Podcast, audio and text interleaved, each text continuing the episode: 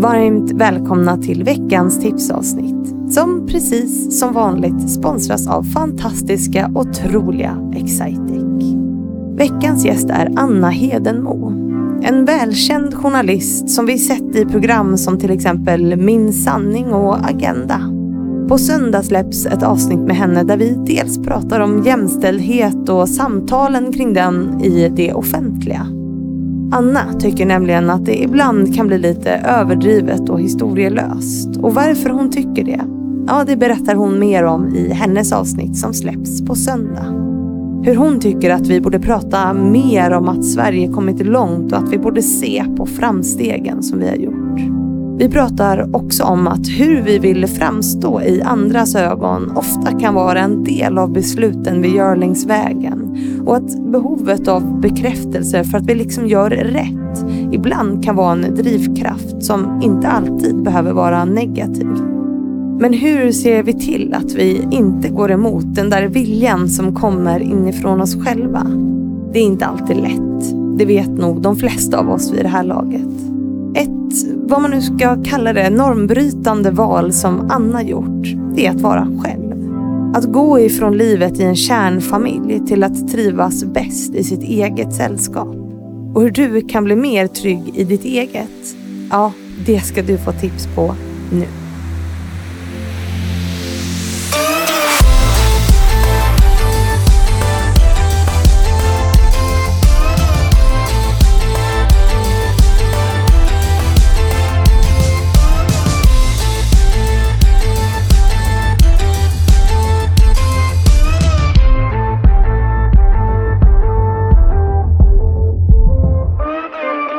Så vi säger eh, varmt välkommen till Anna Hedenmo. Tack så mycket. Igen. Mm. Hur känns det så här efter en, ett långt avsnitt? Det gick fort tycker jag. När du Ja. sa vi är klara tänkte jag nu sa hon fel. Ja. Jag trodde vi hade pratat 20 minuter men det var visst en timme. Ja, Du, tiden går fort när man har roligt. Det är, Verkligen. bra, att- det är bra att du känner så. Ja. Och vi har ju pratat om dig. Du är journalist. Eh, du är väl mest känd från Agenda och Min sanning, men också varit nyhetsuppläsare och jobbat Mm. för SVT.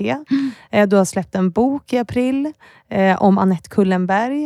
Eh, men vi har pratat om din karriär, vi har pratat om, eh, vad har vi pratat om? Massor med saker. Om Annette Kullenberg, om Mm. jämställdhet. Mm. Eh, ja, vi har varit lite överallt, Mm. som vanligt. Jag tycker alltid det är svårt när man stänger av mikrofonen att komma ihåg vad man har pratat Det är som om. en tv-sändning. Vad var det som hände? Ja, Mm. så säger alltid mina gäster när de går härifrån, bara, jag vet inte vad jag har sagt. Man Nej. Bara, nej. Det, och jag minns knappt heller. eh, men för de som lyssnar eh, finns det ungefär 50 spännande minuter att lyssna till. 54 för att vara exakt. Mm. Mm.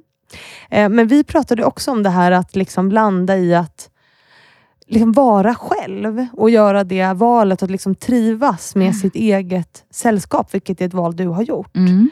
Eh, Så jag tänkte att du ska få ge tips till de som lyssnar på så här, hur blir man bra på att trivas i sitt eget sällskap? Ja, då tänker jag på att bo själv. Sen kan man ju ha roliga, spännande relationer. Men om vi nu pratar om att bo ensam, Mm. så då är det främsta tipset faktiskt att göra det riktigt, riktigt mysigt och fint hemma. Mm. Att skapa ett, ett hem där man verkligen känner som är som en omfamning. Mm. Som är precis så som man vill ha det. Behöver inte vara dyrt. Det Mm. kan man göra på massor med bra sätt. Med växter till exempel. Eh, och ha skön musik på. Mm. Eh, Det finns ju bra liksom, eh, spellistor, till exempel bästa jazzlåtarna. Tycker Ja. jag, spelar jag väldigt mycket. Sen är det, om man har möjlighet, och här vet jag att du kommer hålla med mig Fanny, att ha en hund. Ja, det håller jag med om. Flisan. Det eller, eller Agge då, som jag har. Ja. Det är en otroligt skön grej att ha Mm. en hund. För att det är, jag trivs väldigt mycket med mitt eget sällskap. Tycker det är skönt att eh, få vara i fred ganska mycket. Även om Mm. jag är väldigt social också. Men när jag är i fred så är det ändå skönt att det finns en liten polare i soffan. Mm. Som jag inte pratar med så mycket. Men han, han ser till att jag ändå kommer ut, det finns rutiner och vi myser tillsammans. Men han ställer i övrigt inga krav på mig. Nej.